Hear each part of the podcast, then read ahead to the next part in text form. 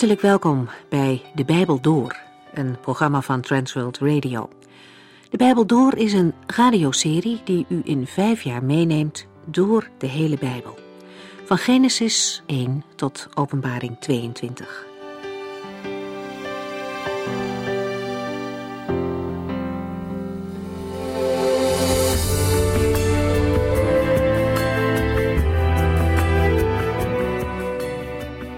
Vandaag lezen we verder in Hebreeën 11. In de rij van geloofshelden vinden we daar ook Ragab. Zij woonde in Jericho en was een prostituee.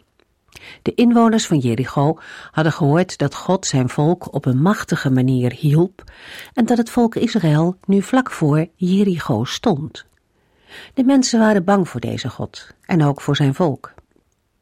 Rahab was de enige vrouw in Jericho die met geloof reageerde toen ze van God hoorde. Zij hielp de verspieders, de mensen uit het volk van God. Niemand uit Jericho keerde zich tot de God van wie men zag dat hij de Almachtige was, behalve Rahab. En haar geloof werd rijkelijk beloond. Ze had geen andere keuze dan het woord van de verspieders te geloven. Ze deed precies wat de mannen hadden gezegd en zo werd zij met haar familie gespaard toen Jericho verwoest werd. Rahab werd opgenomen in het volk van God. Het kostte Rahab heel wat om de Here te vertrouwen. Zij ging in tegen haar eigen overheid toen ze de spionnen uit Israël hielp en ze nam daarmee een groot risico. Maar haar gehoorzaamheid aan de ware God bracht haar ook een nieuw leven en een hoopvolle toekomst. Na het voorbeeld van Rahab zegt de schrijver van de Hebreeënbrief dat hij tijd tekort komt, omdat er zoveel voorbeelden in de Bijbel zijn van mensen die door hun geloof machtige daden verricht hebben. En in vogelvlucht noemt hij een aantal namen, zoals Gideon. Deze richter begon zijn werk met het afbreken van het gezinsaltaar voor Baal en een gewijde paal. En daarna bevrijdde hij het volk van God van de Midianieten. Ook Barak, Simson, Jefta, David, Samuel en de profeten worden genoemd. Heel kort noemt de schrijver de geloofsdaden die deze mensen hebben verricht. Het zijn geweldige overwinningen geweest, die al deze mensen behaald hebben, maar niet in eigen kracht. Ze behaalden die overwinningen omdat zij op de Almachtige God vertrouwden. We lezen verder in Hebreeën 11 vanaf vers 35.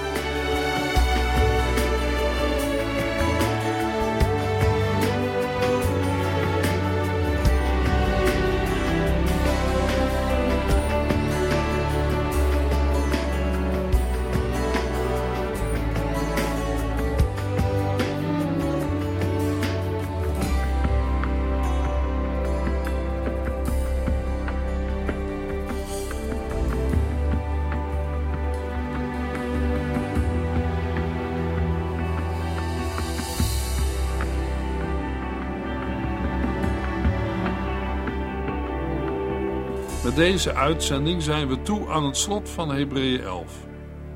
Om de lijn van de laatste hoofdstukken goed vast te houden, kijken we nog even kort terug op de indeling. Het geloof waarin met name de Joodse lezers moeten blijven wandelen, wordt gedefinieerd in Hebreeën 11 vers 1 tot en met 3 en daarna geïllustreerd in Hebreeën 11 vers 4 tot en met 40.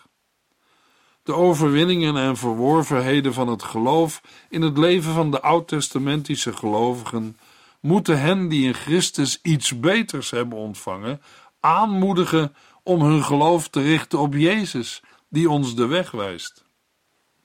Net zoals de Heer Jezus vijandschap moest verduren, moeten ook zij die in Hem geloven soms vijandschap van tegenstanders en opvoedkundige maatregelen van de Heere dragen om deel te krijgen aan zijn heiligheid. De lezers worden gewaarschuwd zich in zulke moeilijke perioden niet af te wenden van de Heer Jezus Christus, maar hun hoop op Hem te vestigen. Aan hun leven moet inhoud worden gegeven door hun toewijding aan Christus, wat zichtbaar zal worden in onderlinge liefde en herbergzaamheid, in hun medeleven en samen delen, in reinheid, tevredenheid en gehoorzaamheid. Hebreeën 11, vers 35. Vrouwen kregen hun geliefden uit de dood terug. Anderen die op God vertrouwden, werden doodgeslagen. Zij wilden liever sterven dan God de rug toekeren, omdat zij wisten later een beter leven te krijgen. De eerste helft van vers 35 sluit nog aan bij de voorgaande geloofsdaden uit de versen 33 en 34. De tweede helft handelt over de geloofsvolharding onder vervolgingen, waar ook de versen 36 tot en met 38 over vertellen. Vrouwen kregen hun geliefden uit de dood terug. Het geeft het toppunt aan van de mogelijkheden van het geloof voor het huidige menselijke leven. Want een groter wonder dan opstanding uit de doden is op aarde niet denkbaar. Tegelijk verwijst deze opstanding al naar de dag van de wederkomst van de Heer Jezus Christus, waarop alle gelovigen met een verheerlijkt, onvergankelijk en verlost lichaam zullen opstaan. In 1 Thessalonicense 4 lezen we daar onder andere het volgende over. In vers 16 tot en met 18. Want als het signaal klinkt, als een van de voornaamste engelen zijn stem laat horen en de trompet van God schalt, zal de Heere zelf uit de hemel neerdalen. Dan zullen de gestorven christenen eerst opstaan, en daarna zullen wij, die op dat moment nog leven, met hen in de wolken worden opgenomen, om de Heere in de lucht te ontmoeten en altijd bij hem zijn. Met dit nieuws kunt u elkaar troosten en bemoedigen. Deze opstanding is met recht een betere opstanding. De bedoelde vrouwen zijn de weduwe van Sarfat, van wie haar zoon door Elia uit de dood werd opgewekt, en de vooraanstaande vrouw uit de stad Sunem, die haar zoon uit de dood terugkreeg door de bediening van Elisa.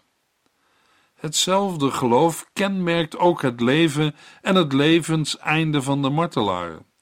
Daarom stelt de schrijver naast het grootste wonder ook de grootste volharding en de meest gruwelijke marteldood. Anderen, die op God vertrouwden, werden doodgeslagen. Ze wilden liever sterven dan God de rug toekeren, omdat zij wisten later een beter leven te krijgen. Voor doodgeslagen staat in de Griekse tekst: ze zijn gemarteld. Het woord is afgeleid van een Grieks woord dat tamboerijn en later folterrad betekent. De slachtoffers werden op een rad gespannen, vastgemaakt aan armen en benen, om vervolgens te worden geslagen met geesels en knuppels tot de dood erop volgde.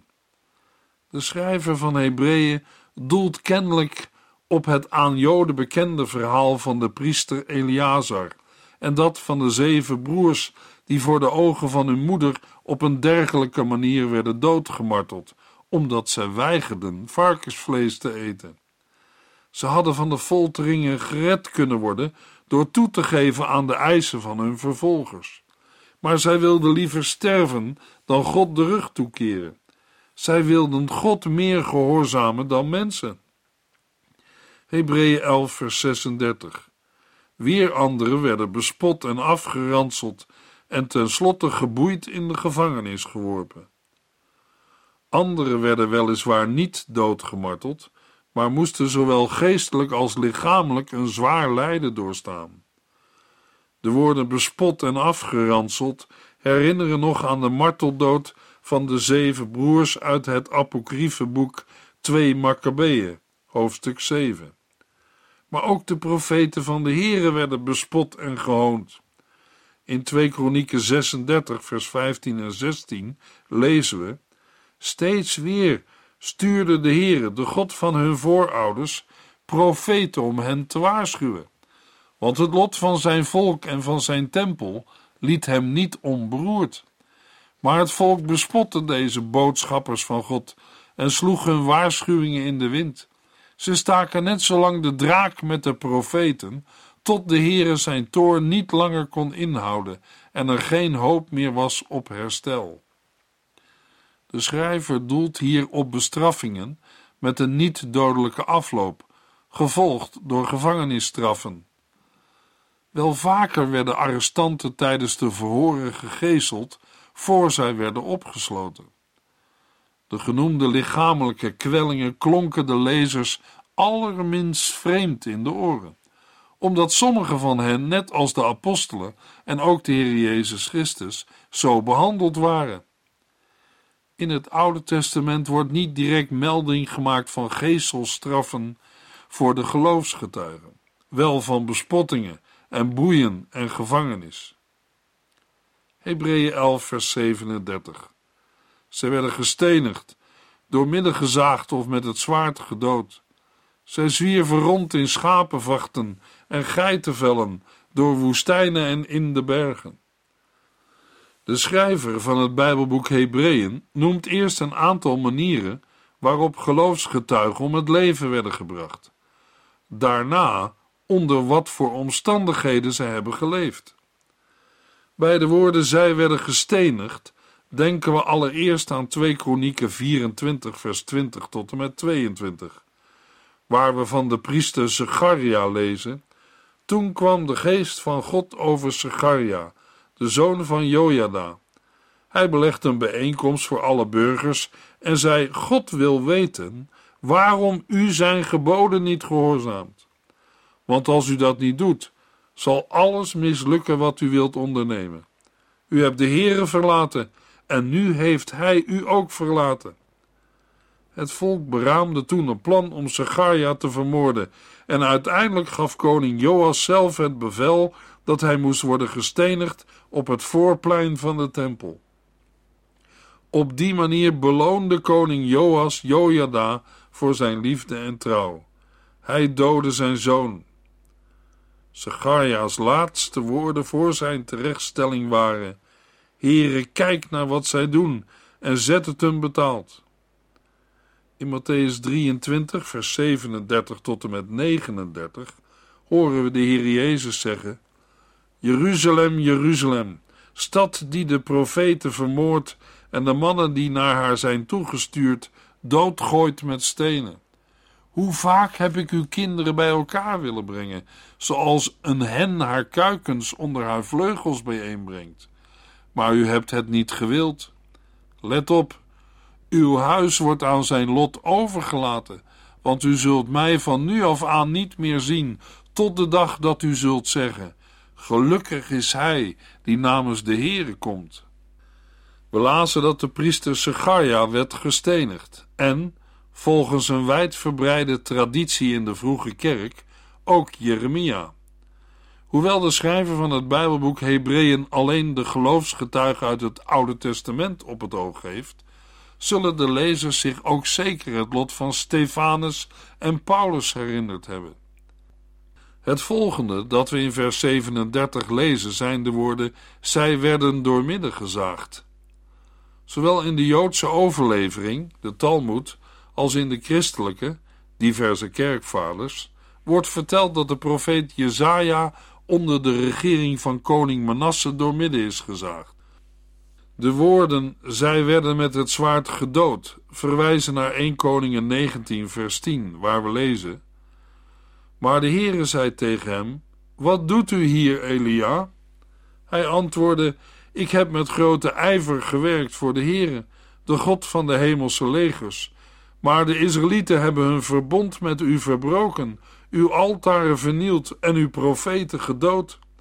Alleen ik ben nog over en nu willen ze mij ook doden. In Jeremia 26 lezen we over een echte profeet van de Heere, Uria, de zoon van Semaja uit Kiriat Jearim. Hij profeteerde gelijktijdig met Jeremia tegen de stad en het land. Maar toen koning Joachim, zijn legeraanvoerders en de andere leiders hoorden wat deze man zei, gaven zij bevel dat hij gedood moest worden. Uria hoorde dat echter en vluchtte naar Egypte. Dan lezen we in vers 22 tot en met 24 toen stuurde koning Joachim Elnathan, de zoon van Achbor, met enige mannen naar Egypte om Uria gevangen te nemen. Zij slaagden daarin en brachten hem terug naar koning Joachim, die hem met het zwaard liet doden en op de begraafplaats van het gewone volk liet gooien. Intussen nam Safons zoon Achikam, de secretaris van de koning, Jeremia in bescherming, zodat het volk niet de kans kreeg hem te doden. In het Nieuwe Testament werden Johannes de Doper en de apostel Jacobus met het zwaard gedood. Zowel gedwongen door vervolgingen als op grond van eigen vrije keuze leidden de geloofsgetuigen van vroeger vaak een zwervend leven. Vandaar de woorden: zij zwierven rond in schapenvachten en geitenvellen, door woestijnen en in de bergen. Soms verkozen zij om in soberheid te leven. Soms werden zij door armoede daartoe gebracht. De Griekse vertaling van het Oude Testament gebruikt het woord schapenvacht voor de mantel van Elia. In de vertaling van het boek lezen we in 1 Koningen 19 vers 13 en na het vuur volgde een zacht suizen van de wind. Toen Elia dat hoorde, verborg hij zijn gezicht in zijn mantel, ging naar buiten en bleef bij de ingang van de grot staan. Bij geitenvellen is waarschijnlijk gedacht aan de voor profeten zo karakteristieke harige mantel. In 2 Koningen 1 lezen we dat koning Agasja aan de hand van de beschrijving die zijn boodschappers geven van de man die ze hebben gesproken, concludeert dat zij Elia hebben gesproken. In 2 Koningen 1 vers 6 tot en met 8 vertellen de boodschappers van de koning: Een man kwam ons tegemoet en zei ons terug te gaan en tegen u te zeggen: De Heere wil weten waarom u vragen stelt aan Baal Zebub, de god van Ekron. Heeft Israël soms geen eigen god? Omdat u dit hebt gedaan, zult u uw ziekbed niet meer verlaten, u zult sterven. Wie was die man? wilde de koning weten. Hoe zag hij eruit? Hij had een harige mantel aan, beschreven ze hem met een leren riem om. Dat was de profeet Elia, zei de koning. Daarop stuurde hij een legerofficier met vijftig mannen erop uit om Elia gevangen te nemen. De harige mantel met leren riem wordt elders in de Bijbel aangeduid als profetenkleren. In het Nieuwe Testament lezen we in Matthäus 3, vers 4 over Johannes de Doper. Johannes droeg kleren van kameelhaar en had een leren riem om. Hij at sprinkhanen en honing van wilde bijen. In het Nieuwe Testament is het met name de apostel Paulus die soortgelijke omstandigheden en situaties aangeeft.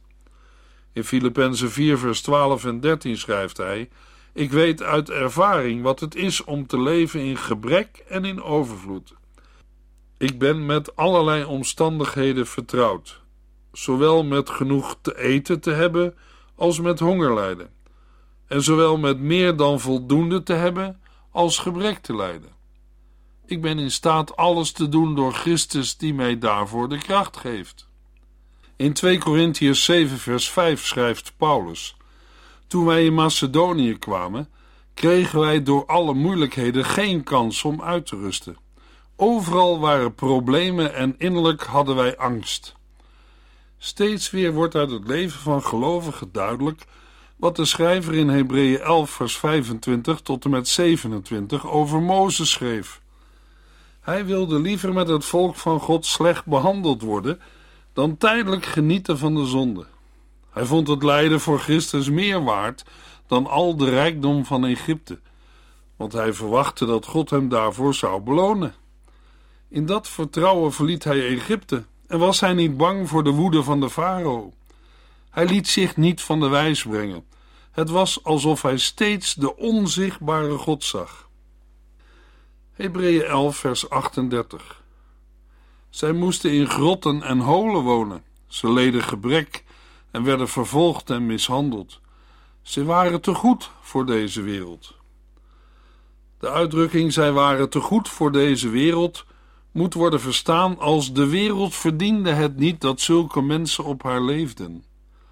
Deze opmerking vormt wel een groot contrast met de rest van de zin. De geloofsgetuigen hadden het allerbeste verdiend, maar er was voor hen geen plaats in de wereld. Daarom gingen zij zwervend rond en woonden in grotten en holen.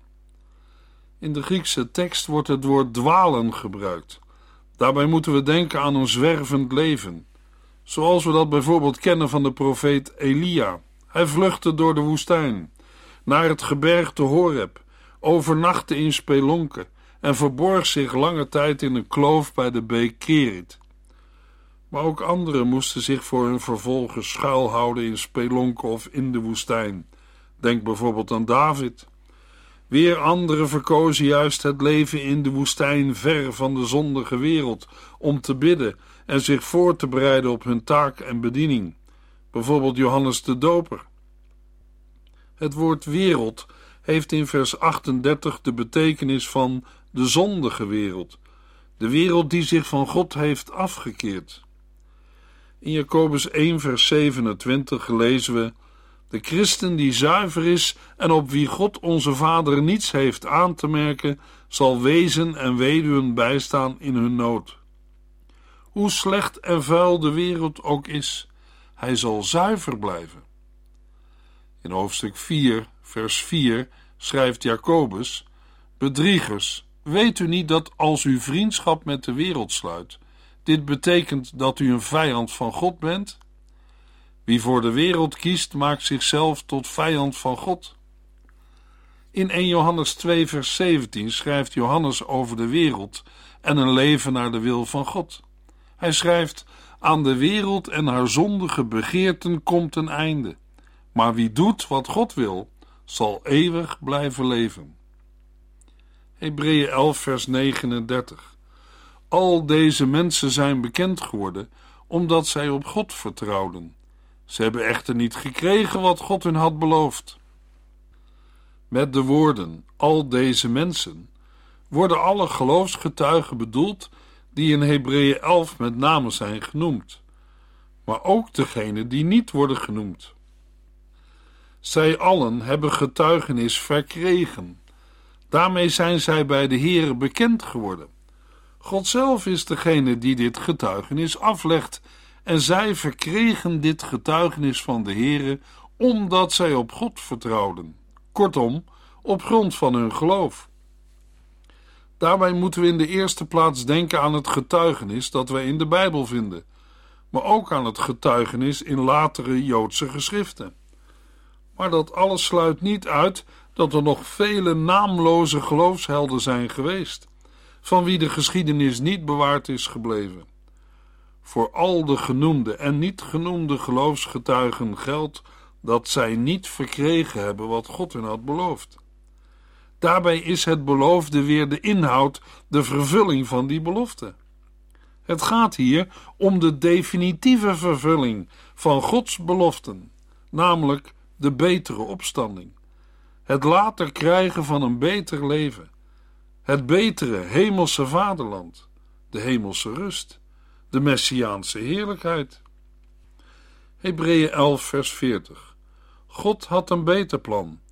Hij wilde niet dat zij zonder ons de volmaaktheid zouden bereiken. De gelovigen uit vroeger tijd hebben gedurende hun leven het beloofde niet ontvangen omdat alles wachtte op het verzoenend offer van Jezus Christus.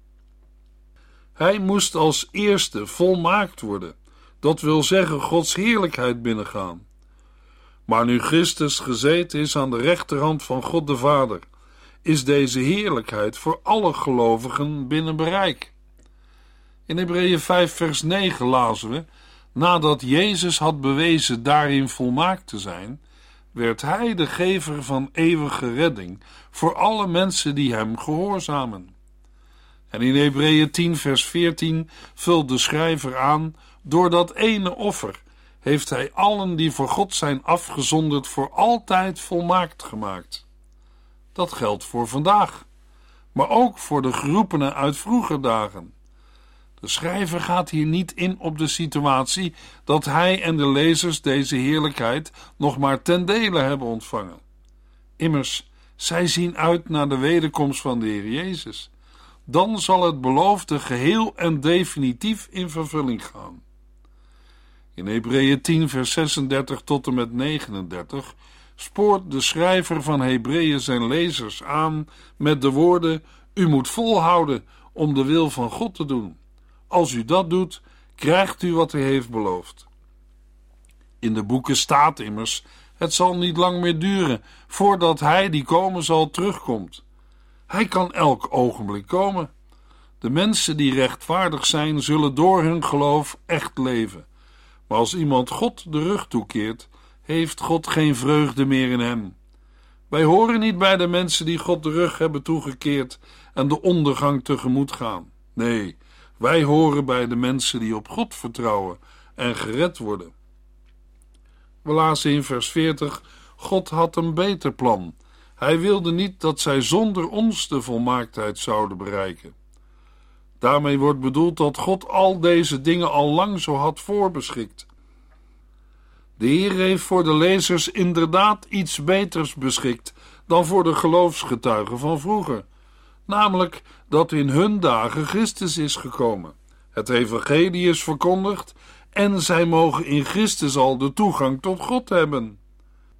Maar de betere toekomst kan pas in vervulling gaan nadat ook de gelovigen van het nieuwe verbond in het bloed van Jezus Christus zijn toegetreden.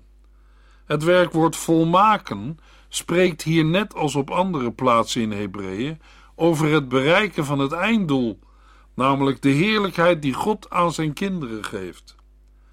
De gelovigen uit vroeger tijd ontvangen die heerlijkheid niet buiten Christus om, maar samen met alle andere gelovigen in Christus. Alle geloofshelden, of zij nu in dit leven door hun geloof overwinningen behaalden of juist ten dode toe werden vervolgd, allen moesten wachten op de komst van Christus voordat zij hun einddoel konden bereiken. Eerst moest Jezus Christus de weg van zijn verzoenende lijden aan het kruis gaan, voordat voor mensen de deur naar God zelf werd opengedaan. Voor de gelovigen uit het Oude Testament en voor de gelovigen uit het Nieuwe Testament ligt dezelfde heerlijkheid klaar. Luisteraar, heeft u, heb jij al deel aan deze toekomstige heerlijkheid? Jezus nodigt met grote liefde. Hij zegt: Kom bij mij, ik zal u rust geven. In de volgende uitzending lezen we Hebreeën 12, vers 1 en 2.